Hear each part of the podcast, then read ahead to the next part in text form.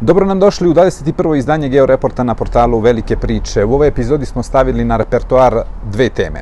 Prva je kakav je odnos e, političkih snaga na starom kontinentu 9 meseci pre početka izbora, odnosno izbora za Evropski parlament i šta se događa na Nagorno Karabahu, zašto je Rusija ponovo izdala Jermene i kakve lekcije Srbija može da izvuče iz odnosa Moskve prema Jerevanu i prema Jermenima uopšte. Počinjemo od Evropske unije i previranja na političkoj pozornici pred početak veoma uzavrele izborne kampanje e, za Evropski parlament na starom kontinentu. E, kako stoje političke porodice u Evropskoj uniji 9 meseci pred izbore? E, prema poslednjim istraživanjima javnog mnjenja, uprkos opštem utisku da desnica i ekstremna desnica napreduju u celoj Evropi, neće doći do značajnijih promena u rasporedu snaga u Evropskom parlamentu, a samim tim ni u institucijama Evropske unije. Narodnjaci, čak i u najsmelnijim scenarijima, nemaju dovoljno poslanika da formiraju potrebnu većinu u Evropskom parlamentu zajedno sa konzervativcima i grupom Identitet i demokratija. To je ona grupa u kojoj su alternativa za Nemačku, Liga Matea Salvinija i nacionalno okupljanje Marine Le Pen. Problem demohrišćanskih i narodnjačkih partija je što čak i tamo gde pobede, čast izuzecima poput Grčke, moraju da formiraju vladajuće koalicije sa desničarskim ekstremističkim partijama ili da od njih traže spoljnu podršku. U takvom raspletu događaja neizbežno dolazi do radikalizacije partija umerenog desnog centra koje skreću udesno da bi sačuvali svoje biračko telo i posledično približavaju svoje stavove ekstremnoj desnici po pitanjima migranata, LGBTQ zajednice, abortusa, ekonomije, ekologije i pre svega odnosa prema Evropskoj uniji. Socijalisti i liberali beleže pad podrške u odnosu na rezultate iz 2019. godine i oko toga nema sumnje, ali se radi o gubitku od nekoliko poslaničkih mesta, nedovoljno da bi mogli da budu izbačeni iz postizbornih kombinatorika.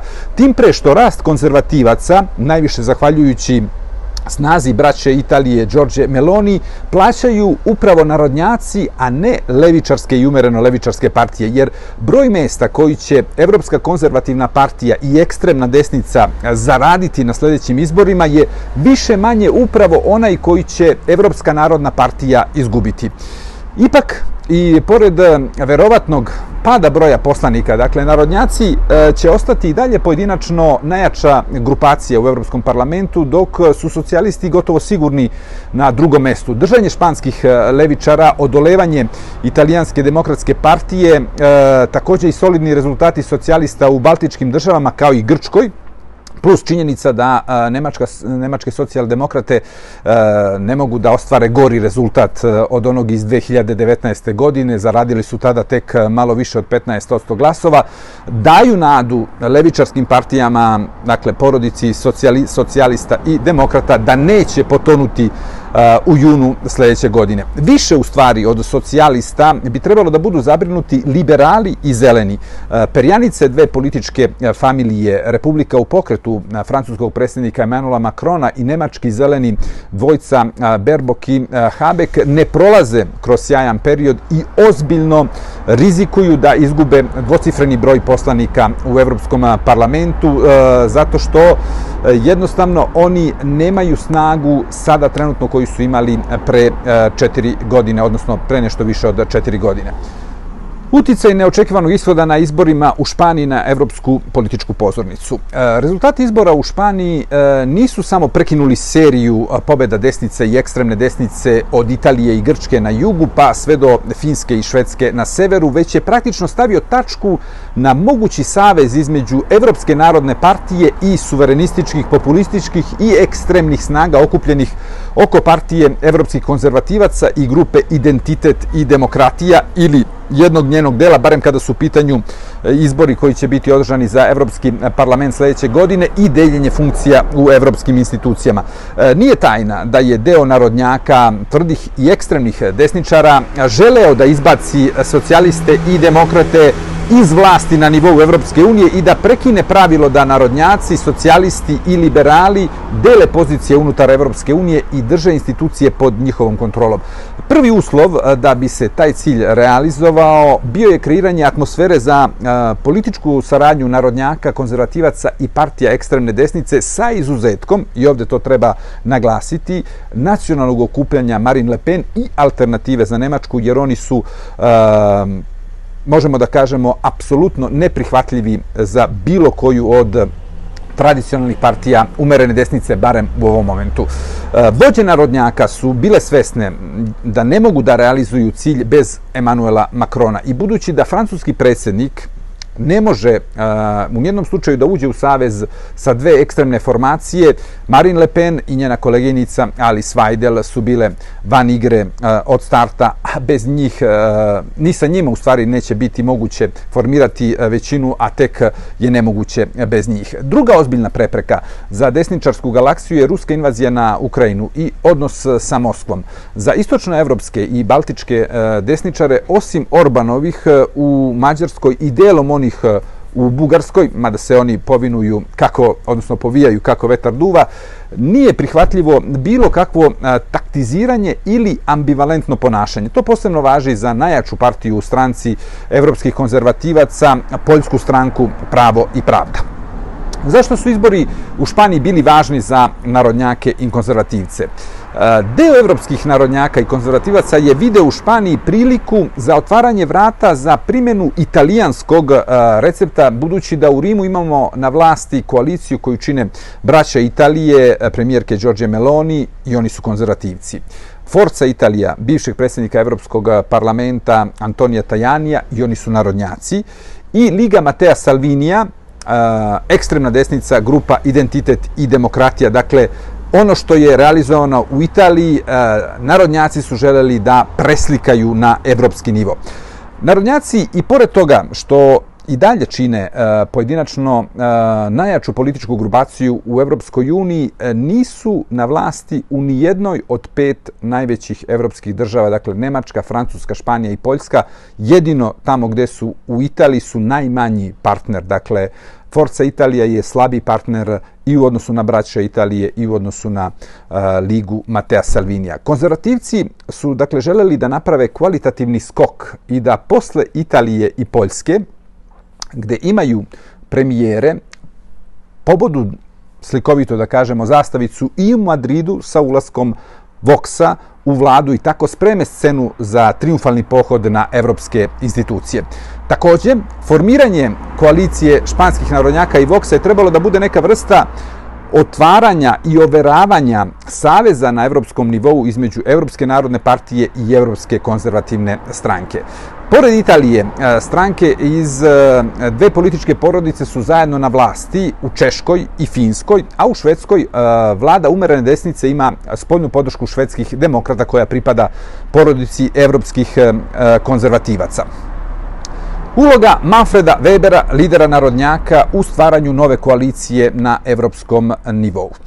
Lider Evropske narodne partije Manfred Weber je veliki zagovornik otvaranja vrata Evropske narodne partije za braću Italije Melonijevje i ali i drugih članica Evropske konzervativne partije, izuzev poljske vladajuće stranke Pravo i Pravda. Weber je otvaranje prema konzervativcima balansirao dizanjem zida e, za bilo kakvu vrstu koalicije sa Savezom Identitet i Demokratija, koju čine, kao što smo rekli, nacionalno okupljanje Marine Le Pen, Liga Mateo Salvinije i Alternativa za Nemačku. E, Weberova zakulisana igra je snažno motivisana ličnim animozitetom prema Ursuli von der Leyen, koju bavarski političar vidi kao neku vrstu uzurpatorke, pošto mu je ona uzela mesto predsjednika Evropske komisije, budući da je on bio takozvani spicen kandidat narodnjaka 2019. godine. E, Weber traži već duže vreme način da onemogući ponovni izbor von der Leyenove na čelo Evropske komisije i u tom kontekstu je igrao na kartu pobede narodnjaka i Voxa u Španiji, jer bi sa narodnjačko-konzervativnim koalicijom u Madridu i u Rimu bila dovedena u pitanje francusko-nemačka hegemonija u Evropskom savetu. Istovremeno, Weber se nada pobedi i njegovog prethodnika na čelu evropskih narodnjaka Donalda Tuska, koji sa svojom koalicijom pokušava da na sledećim izborima u Poljskoj skine sa vlasti partiju Jaroslava Kačinskog, nosećeg stuba evropskih konzervativaca zajedno sa braćom Italije. Kako se dodeljuju funkcije u Evropskoj uniji? Ovo pitanje je važno da bismo shvatili i zbog čega su ove koalicije e, na stolu, odnosno zašto žele da ih napravi i zbog čega je Weber e, jedan od glavnih arhitekata u celoj toj priči. E, Evropski savjet je sastavljen od šefova država i vlada članica Evropske unije. On dakle bira i imenuje čelnike evropskih institucija, dok ih Evropski parlament samo odobrava. Takva raspodela nadležnosti stavlja u neravnopravan položaj dve institucije, pošto inicijativu i poslednju reč imaju dakle šefovi država i vlada, dok Evropski parlament ima tu samo, možemo da kažemo, srednju ulogu, odnosno jednostavno treba da potvrdi ono što su šefovi vlada i država predložili, a zatim u zadnjoj istanci takođe šefovi država i vlada treba da overe poslednju volju. Uh, francuski predsjednik Emmanuel Macron uh, i tadašnja kancelarka Angela Merkel, govorimo o periodu uh, iz 2019. godine, zajedno sa španskim premijerom Pedrom Sanchezom su se dogovorili oko imena Ursule von der Leyen i pored toga što je Weber bio spicen kandidat i trebao, baš kao što je Jean-Claude Juncker 2014. godine postao predsjednik Evropske komisije, da i on postane čelnik e, jedne od važnijih evropskih institucija. Međutim, troje lidera su se dogovorili oko imena Ursule von der Leyen. Unutar Evropskog saveta po pravilu dominiraju francuski predsjednik i nemačka kancelarka i ako se vođe te dve najvažnije države članice Evropske unije dogovore i pritom ostvare podršku Italije ili Španije ili obe te zemlje, što bi je najbolji mogući scenario, praktično nije moguće delovati protiv njih i doneti odluke sa kojima oni nisu saglasni. Jednostavno, onda oni prave taj blok koji je jednostavno taj koji odlučuje i protiv koga se ne može. E, budući da je francuski predsjednik Macron liberal, e, nemački kancelar Scholz socijaldemokrata, kao i da će Španija najverovatnije i dalje imati socijalističkog premijera Sančeza, Weberu e, ne bi mnogo e, pomogla ni pobeda njegovog prijatelja Donalda Tuska u Poljskoj da pomrsi račune von der Leyenove, jer upravo sa pobedom e, Sančeza, odnosno sa verovatnim imenovanjem Sančeza za premijera Španije, ta mogućnost da se formira koalicija narodnjaka i konzervativaca pada u vodu. Koju igru igra Melonijeva Italija? Italijanska premijerka Giorgia Meloni igra na dva stola i pokušava da deaktivira političku bombu unutar njene koalicije. Naime, izborna kampanja za Evropski parlament bi mogla da ima razarajuće efekte na vladu Melonive, budući da tri partije koje čine uh, uh, njenu koaliciju pripadaju različitim političkim familijama i uh, jednostavno kampanja bi mogla da izazove krizu unutar same vladajuće koalicije i eventualne prevremene izbore. To je ključni motiv zašto je Melonijeva otvorila prozor za mogućnost približavanja njene partije Evropskoj narodnoj partiji s jedne strane, a sa druge ona pokušava da bude sponsor transfera Lige Matea Salvinija u porodicu evropskih konzervativaca I tu je najveći problem Poljska partija prava i pravde, jer jednostavno zbog stavova prema Putinu i Rusiji za njih je Mateo Salvini i Liga neprihvatljiv kao mogući saveznik na evropskoj političkoj sceni. Krajnji cilj Melonijeve u ovom periodu je bio da pojede e, Forca Italiju, pojede naravno u e, metaforičkom smislu, e, posle smrti Silvija Berlusconija i tako uspostavi kolosek saradnje između narodnjaka i konzervativaca na nivou Evropske unije i da prebaci, dakle, Salvinija među konzervativce. E, planovi italijanske premijerke su pokvarili e, upravo e, Španci, jer poraz Voksa i narodnjaka na izborima u Španiji, kao i žilavost s druge strane Forca Italije, koja još uvek je stabilna kada je u pitanju njena podrška i posle smrti Silvija Berlusconi je negde između 7 i 8% koliko su imali na poslednjim izborima, kao i ambicije Mateja Salvina koji ne želi da bude broj dva Melonijeve, jer ima ambicije da bude on taj prvi igrač i broj jedan, ne samo u Italiji, već i u Evropi, praktično dovode u veoma nezgodnu poziciju Melonijevu i ona bi iz ove cele priče mogla da izaće kao velika gubitnica. Šta se događa u Nemačkoj? E, italijanske probleme samo na drugoj strani političke table imaju i Nemci. E, kao što će se troglava italijanska koalicija podeliti tokom izborne kampanje za Evropski parlament u tri različite kolone, tako će i činioci Nemačke semafor koalicije imati dodatni motiv da se međusobno optužuju i diskvalifikuju u javnosti, što već čine uveliko od kada su e, i uspostavili vladajuću koaliciju. Istini za volju e, zvuči malo paradoksalno, ali nemačka trojna koalicija mnogo više liči na rogove u vreći od italijanske, odnosno u ovom kontekstu su Nemci mnogo gori od Italijana, iako su predrasude idu u korist Nemaca, a na štetu Italijana. U ovom, u ovom slučaju je potpuno obrnuto. E, svađalačka atmosfera u takozvanoj semafor e, koaliciji i nesposobnost kancelara Olafa Šolca da obuzda svoje koalicione partnere proizvela veoma opasan trend. Prvi put od nastanka Savezne republike manje od polovine građana je zadovoljno demokratskim uređenjem države. Šta više, procenat je sleteo ispod 40% i to je alarm ne samo Alman. To je velika uzbuna za demokratsku e, društvo i za demokratsku e, javnost u samoj Saveznoj Republici. Još alarmantnija indikacija je da taj rezultat nije uslovljen istočno-nemačkim delom biračkog tela. I u nekadašnjoj e, zapadnoj Nemačkoj, odnosno Saveznoj Republici Nemačkoj, je broj ljudi zadovoljnih demokratijom tek malo više iznad 40%, a manje ispod 50%. Samo pre šest ili sedam meseci taj procenat je bio negde ispod 60%, između 56 i 58. Direktna posledica takvog razvoja događaja je uzlet alternative za Nemačku, koja je za malo više od godinu dana duplirala svoju popularnost među Nemcima. Pre dve godine četvorica od pet Nemaca nisu mogli da vide sebe kako glasaju za alternativu za Nemačku. Danas od dva Nemca jedan je spreman i može sebe da vidi kako glasa za alternativu za Nemačku. Kako stoje liberali predsjednika Makrona u Francuskoj?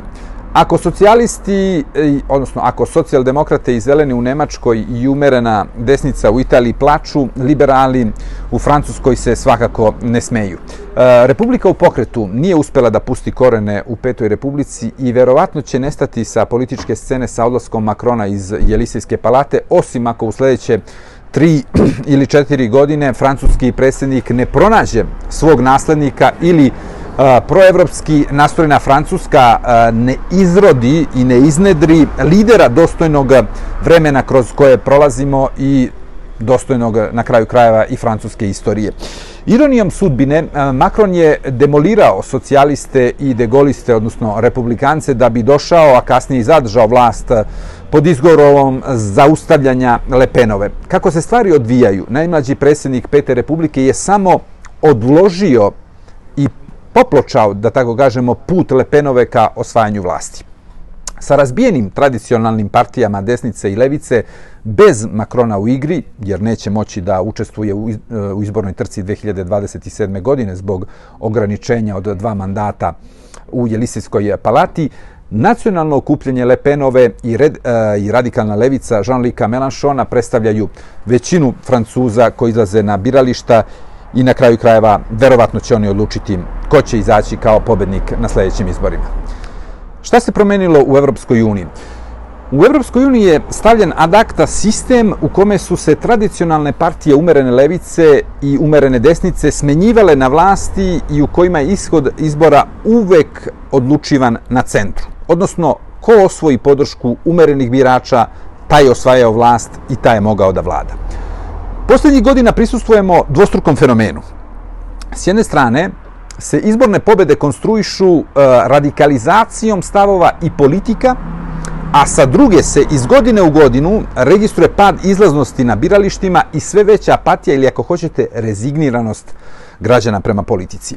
Ako se pomenuti trendovi pomeranja narodnjačkih i demohrišćanskih partija ka ekstremnoj desnici nastave uz posledično sve izraženije evroskeptično i nacional-suverenističko pozicioniranje istih tih stranaka, bit će teško, a možda i nemoguće upravljati Evropom raspolućenom i nepomirljivi podeljenom. Reč je o tendenciji koja nije uzela maha samo na starom kontinentu, već je sve očiglednija i u Sjedinim američkim državama sa Donaldom Trumpom ili bez njega. E, partije koje smo definisali kao ekstremističke ili partije bunta i negodovanja e, dela populacije postaju takozvane mainstream stranke. Šta više, one više nisu ni najdesnije na političkoj pozornici. Primjera radi, u Francuskoj imamo Erika Zemura koji je desnije i ekstremnije na pozornici, odnosno u toj lepezi od Lepenove, ili u Italiji gde imamo Ligu Matea Salvinija koja je u mnogim e, sektorima i po mnogim stavovima ekstremnija i desnije pozicionirana u odnosu na braću Italije uh, Giorgio Meloni.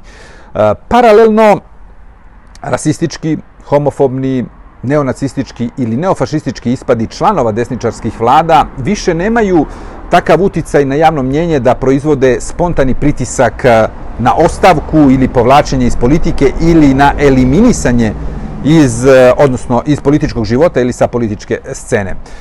Um, Italija, Finska i Nemačka su u tom kontekstu, možemo da kažemo, eklatantni primjeri. Italijanski ministar poljoprivrede, Francesco Lolo Brigida, govori javno o etničkoj zameni stanovništva južno od Alpa. U Helsinkiju je Wilhelm Junila pronuđen, prinuđen da se povuče sa mesta ministra ekonomije zbog rasističkih izjava, ali njegov naslednik, isto tako iz redova stranke pravih finaca, Vili Ridam nije i pored toga što je e, sebe apostrofirao u jednom razgovoru kao nacistu kojem se ne sviđaju jevrejska imena jer su čisto đubre, njegove reči. Liderka finske ekstremne desničarske stranke, pravih finaca, Rika Pura, se isticala u prošlosti definisanjem Turaka i Afrikanaca kao majmuna. Pre par dana je imao svojih 15 minuta slave i Bjern Heke, lider alternative, jedan od lidera alternative za Nemačku, veoma popularan u Tiringiji, predloživši da se iz školskih klupa izbace deca koja su ometena u razvoju jer negativno utiču na ostalu decu stvari koje su se mogle čuti samo u nacističkim, fašističkim i u svakom slučaju diktatorskim režimima. Kako deluje i zašto raste ekstremna desnica u Evropi? Ekstremna desnica, suverenisti, populisti, tradicionalisti e, se po pravilu obrušavaju na manjine, jer je to najlakši način da dobijete ili uvećate podršku u biračkom telu sa najmanjim rizikom. Zato su na njihovom udaru, ako bolje razmislite i ako analizirate, migranti, pripadnici LGBTQ zajednice, etničke manjine, osobe sa posebnim potrebama. Dakle, sve one grupacije čiji je procenat jednocifren u biračkom telu ili u stanovništvu jedne zemlje. Dakle, Reč je o grupacijama koje su izrazita manjina i koja dakle idu od nekoliko procenata ukupnom udelu stanovništva do zanemarljivo malog broja i upravo zato oni su idealni da budu instrumentalizovani kao sredstvo za ostvarivanje jeftinog političkog profita. Ruska invazija na Ukrajinu je, gledajući izbore i rezultate izbora u članicama Evropske unije, donela velike benefite desnici i ekstremnoj desnici. To što se dogodilo u Španiji je samo donekle u kontratendenciji, jer ne treba da zaboravimo da su narodnjaci osvojili najveći broj glasova, iako nisu uspeli da osvoje vlast, dok je Vox zadržao više manje isti broj glasova, samo što je bio drugačije raspoređen, pa su imali veliki pad poslaničkih mesta u Španskom kongresu. Sljedeći Sljedeći izborni sastanci u Poljskoj i Holandiji koji nas čekaju e, sljedeće jeseni će pokazati da li e, je ovo što se dogodilo u Španiji bio zaokret ili izuzetak koji potvrđuje pravilo. Kakve će biti posljedice eventualnog saveza desnice i ekstremne desnice, suverenista i populista u Evropi? E, eventualni dolazak na vlast e, ekstremnih desničara u članicama Evropske unije i e, posljedično zauzimanje najvažnijih pozicija u Evropskoj uniji bi proizvelo velike nemire i destabilizaciju čitavog kontinenta. Sva istraživanja javnog mnjenja pokazuju da evropljani imaju rezerve prema Evropskoj uniji, nisu zadovoljni kako ona funkcioniše, ali dvojici od trojice ne pada na pamet da podrže izlazak njihovih zemalja iz Evropske unije. Problem je što je to uverenje gotovo plebiscitarno ili mogli bismo da kažemo većinsko, veoma većinsko u takozvanom umerenom i levičarskom biračkom telu, a manjinsko u desničarskom i izrazito manjinsko u među glasačima ekstremne desnice. E, takođe, u prethodnih par meseci e, smo imali nekoliko primjera kako izgleda e, saradnja između suverenističkih, populističkih e, i svih drugih e, partija takvog tipa sa sloganom a, prvo mi pa sve ili svi ostali. To jest onih koji zagovaraju Evropu naroda i suverenih država, a ne federalnu a, Evropsku uniju.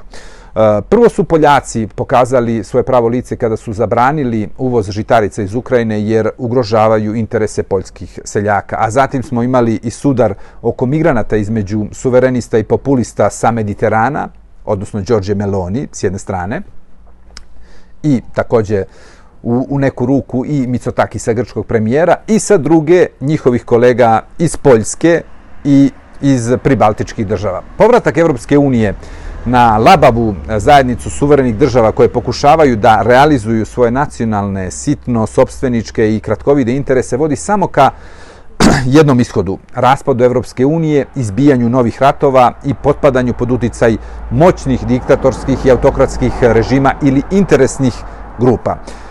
Nihil sub sole novum, rekli bi stari ljivnani. Mm, ne bi bilo, dakle, ništa novo za istoriju, ali bi bilo tragično za one koji bi morali da trpe posljedice već viđenih e, grešaka na evropskom kontinentu. Sa Evropske unije prelazimo na događanja u Nagorno Karabahu i odnosima između Rusije i Jermenije, odnosno Jermena. Mogli bi to da nazovemo i da definišemo i kao rusku izdaju Jermena.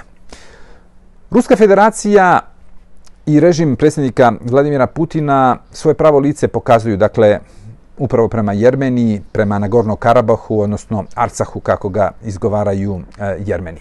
E, Jerevan je praktično sve uradio što je od njega Moskva tražila. Odustali su od evropske perspektive, nisu ni pomišljali da uđu u NATO, vezali su svoju sudbinu u ekonomskom smislu za Rusku federaciju kroz članstvo u Euroazijskoj uniji i bezbednostnu kroz pripadnost organizaciji ugovora o kolektivnoj bezbednosti gde je stožer i dominantna članica upravo Ruska federacija.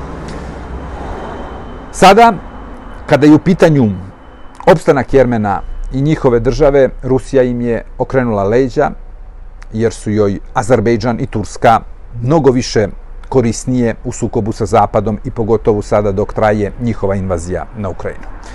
E, cinični bi rekli da se istorija u ovom slučaju ponavlja kao tragedija. Jermeni su bili udarna pesnica Ruske imperije u borbi za Kavkaz sa Osmanlijskom imperijom tokom čitavog 19. veka i jedini front u Prvom svetskom ratu gde je carska Rusija stajala dobro bio je upravo južni na Kavkazu, ispod Kavkaza i na Crnom moru. A onda su Lenin i kasnije Stalin upravo preko leđa Jermena i na uštrb njihovih nacionalnih interesa sklapali njihove dogovore sa Turskom, ostavljajući dakle Jermenima mogućnost samo da vide njihovu svetu planinu Ararat, ali ne i da se popnu na nju. Rusija ne samo da nije zaštitila Arcah ili Nagorno Karabah, već dozvoljava da narod koji je platio rusofilstvo genocidom tokom Prvog svjetskog rata, ne zaboravimo da su očima Turaka Jermeni bili ruska produžena ruka umirućoj Osmanlijskoj imperiji i zbog toga su sproveli genocid. Njima, dakle, preti slična sudbina. Moskva se obavezala po slovu sporazuma nakon azerbeđansko-turske pobede u sukobu sa jermenskim informacijama pre tri godine da će garantovati prohodnost eh, Lačinskog koridora koji spaja Arcah sa Jermenijom i trebalo je da garantuje da Arcah, odnosno Nagorno Karabah, neće biti pretvoreni u jedan veliki geto. Kroz taj koridor svaki dan, pre nego što je zatvoren pre 9 meseci, je prolazilo 400 tona robe, jer oni u potpunosti preko 90% zavise od Jermenije. Ruska federacija, osim što nije pritekla u pomoć svom savezniku protiv daleko jačeg i bolje naoružanog azerbejdžansko-turskog protivnika, mirno dakle posmatra kako Azerbejdžan već devet meseci e, drži pod potpunom blokadom na Gorno Karabah. Tu i tamo šef ruske diplomatije Sergej Lavrov, čiji otac, to je interesantno, bio etnički jevrej, e, jermenin, se oglasi nekim saopštenjem ili nekom izjavom koja više oslikava nemoć nego opredeljenost da se blokada skine. Takođe, Rusija a, ne poštuje ni sporazum s kojim se obavezala da će štititi teritorijalni integritet Jermenije, jer dozvoljava da Azerbejdžan provocira sukobe dužinom čitave granice sa Jermenijom bez ikakvih e, konsekvenciji, odnosno posledica ili upozorenja od strane Moskve. Zašto Azerbejdžan ide na etičko čišćenje Jermena i zašto niko Baku u tome ne sprečava? Gotovo devet meseci Azerbejdžan onemogućava da u Nagorno Karabah stigne čak i humanitarna pomoć, a kamoli nešto drugo. Hrana, lekovi, medicinska oprema, benzin, džubriva za poljoprivredu, električna energija, jer Azerbejdžan čak koristi i to kao oružje ukidajući struju po nekoliko sati ili nekoliko dana stanovnicima Nagorno Karabaha. Međunarodni sud u Hagu je u dva navrata u ovoj godini, u februaru i u julu, donosio odluke s kojim je naređivao Azerbejdžanu da dozvoli protok roba i slobodu kretanja ljudima kroz Lačinski e, koridor. Nije bilo nikakvog rezultata, barem do sada. Budući da u Arcahu nema šećera, nema soli, nema drugih sredstava za konzerviranje hrane, često nema, kao što smo rekli, ni struje, stanovništvo bukvalno rizikuje glad. Jer uskoro više neće moći da se osloni na sezonsko povrće i voće. U momentu dok se nacionalni parlamenti u Evropi i širom sveta izjašnjavaju o holodomoru i priznaju ga kao genocid, svi, gotovo svi, mirno gledaju kako se novi holodomor odigrava pred njihovim očima i malo koga je briga. Bivši tužilac Međunarodnog krivičnog suda Luis Moreno uh, Ocampo je objavio izveštaj u kojem je bez mnogo okolišanja nazvao stvari verovatno pravim imenom. Na Nagorno Karabahu je u toku genocid nad lokalnim stanovništvom. Nema gasnih komora, nema klanja, glad je nevidljivo oružje genocida. Ako se nešto ne preduzme pod hitno, jermenska etnička grupa koja živi na Nagorno Karabahu će biti uništena u sledećih nekoliko nedelja, piše o. Tursko-azerbeđanski san, transverzala od Bosfora do Sinkjanga. Cilj predsjednika Alijeva je da iskoristi izuzetno povoljnu geopolitičku situaciju i da reši pitanje Nagorno Karabaha i da zatim otvori krizu oko Sjunika, južne jermenske provincije koja deli turkomanske narode od Marice do Sinkjanga. Alijev uz veliku podršku turskog predsjednika Redžepa Tajpa Erdogana igra dvostruku igru zahvaljujući ruskoj invaziji na Ukrajinu i uvedenim sankcijama prema Ruskoj federaciji. S jedne strane, Rusija od početka 19. veka, kada su se njeni vojnici prvi put pojavili južno od Kavkaza, nije bila tako slaba, a sa druge, zbog uvedenih sankcija Rusije, Rusiji Evropa ne može sebi da dozvoli luksuz da izgubi Azerbejdžan kao snabdevača gasom i naftom. Da sve bude grotesknije, dobar deo gasa i nafte koji Baku prodaje Evropi dolazi upravo iz Rusije, što znači da Evropska unija sama zaobilazi i obesmišljava sankcije koje je uvela Moskvi. Ako osvoji Nagorno Karabah, Azerbejdžan i Turska se neće zaustaviti. U Baku žele da se teritorijalno spoje sa esklavom Nahčivan, a to znači da zauzmu južni deo Jermenije, odnosno Sjunik. Predsjednik Alijev i režimska propaganda su već uh, počeli da šire narativ koji legitimizuje teritorijalne pretenzije Bakua prema Jermeniji. Turska pragmatično ćuti i dozvoljava da Azerbejdžan u svoje ime, ali za račun Erdoganovog režima, čiji je cilj da obnovi Gran Turan od Bosfora do Xinjianga, odradi ceo deo posla. Na nesreću Jermena, takav razvoj događaja ide u prilog geopolitičkim ambicijama Sjedinjenih američkih država. Budući da je Kina ključni protivnik Sjedinjenih američkih država i da se kineski i turski interesi u centralnoj Aziji sudaraju, što od njih potencijalno pravi dva velika rivala, nije isključeno da u Vašingtonu tolerišu turski ekspanzionizam ako je on u funkciji zaustavljanja kineskog, iako je on upotrebljiv u borbi protiv kineskih aspiracija da postanu novi hegemon na planeti. Cenu će opet platiti Jermeni. Jermenska lekcija za Srbiju. Usud Jermenije i Arcaha bi trebalo da bude veoma poučan za našu zemlju. Narod koji je doživeo prvi genocid u 20. veku i ujedno najveći posle holokausta, se nalazi na pogrešnoj strani istorije i bez jednog saveznika.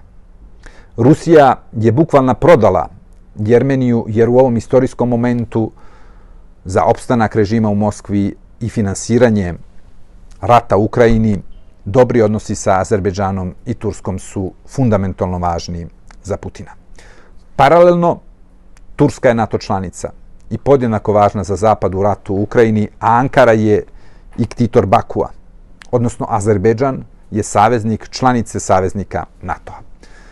Josipu Brozu Titu se pripisuje rečenica teško onome koga Amerika brani, a Rusija hrani. Izgleda da je još teže onima koje Rusija brani. Znaju nešto o tome i Jermeni i Srbi. Dva naroda koje još uvek veruju da Rusi mogu nekoga da vole i to baš njih. To bi bilo sve u ovom georeportu. Vidimo se sledeće nedelje.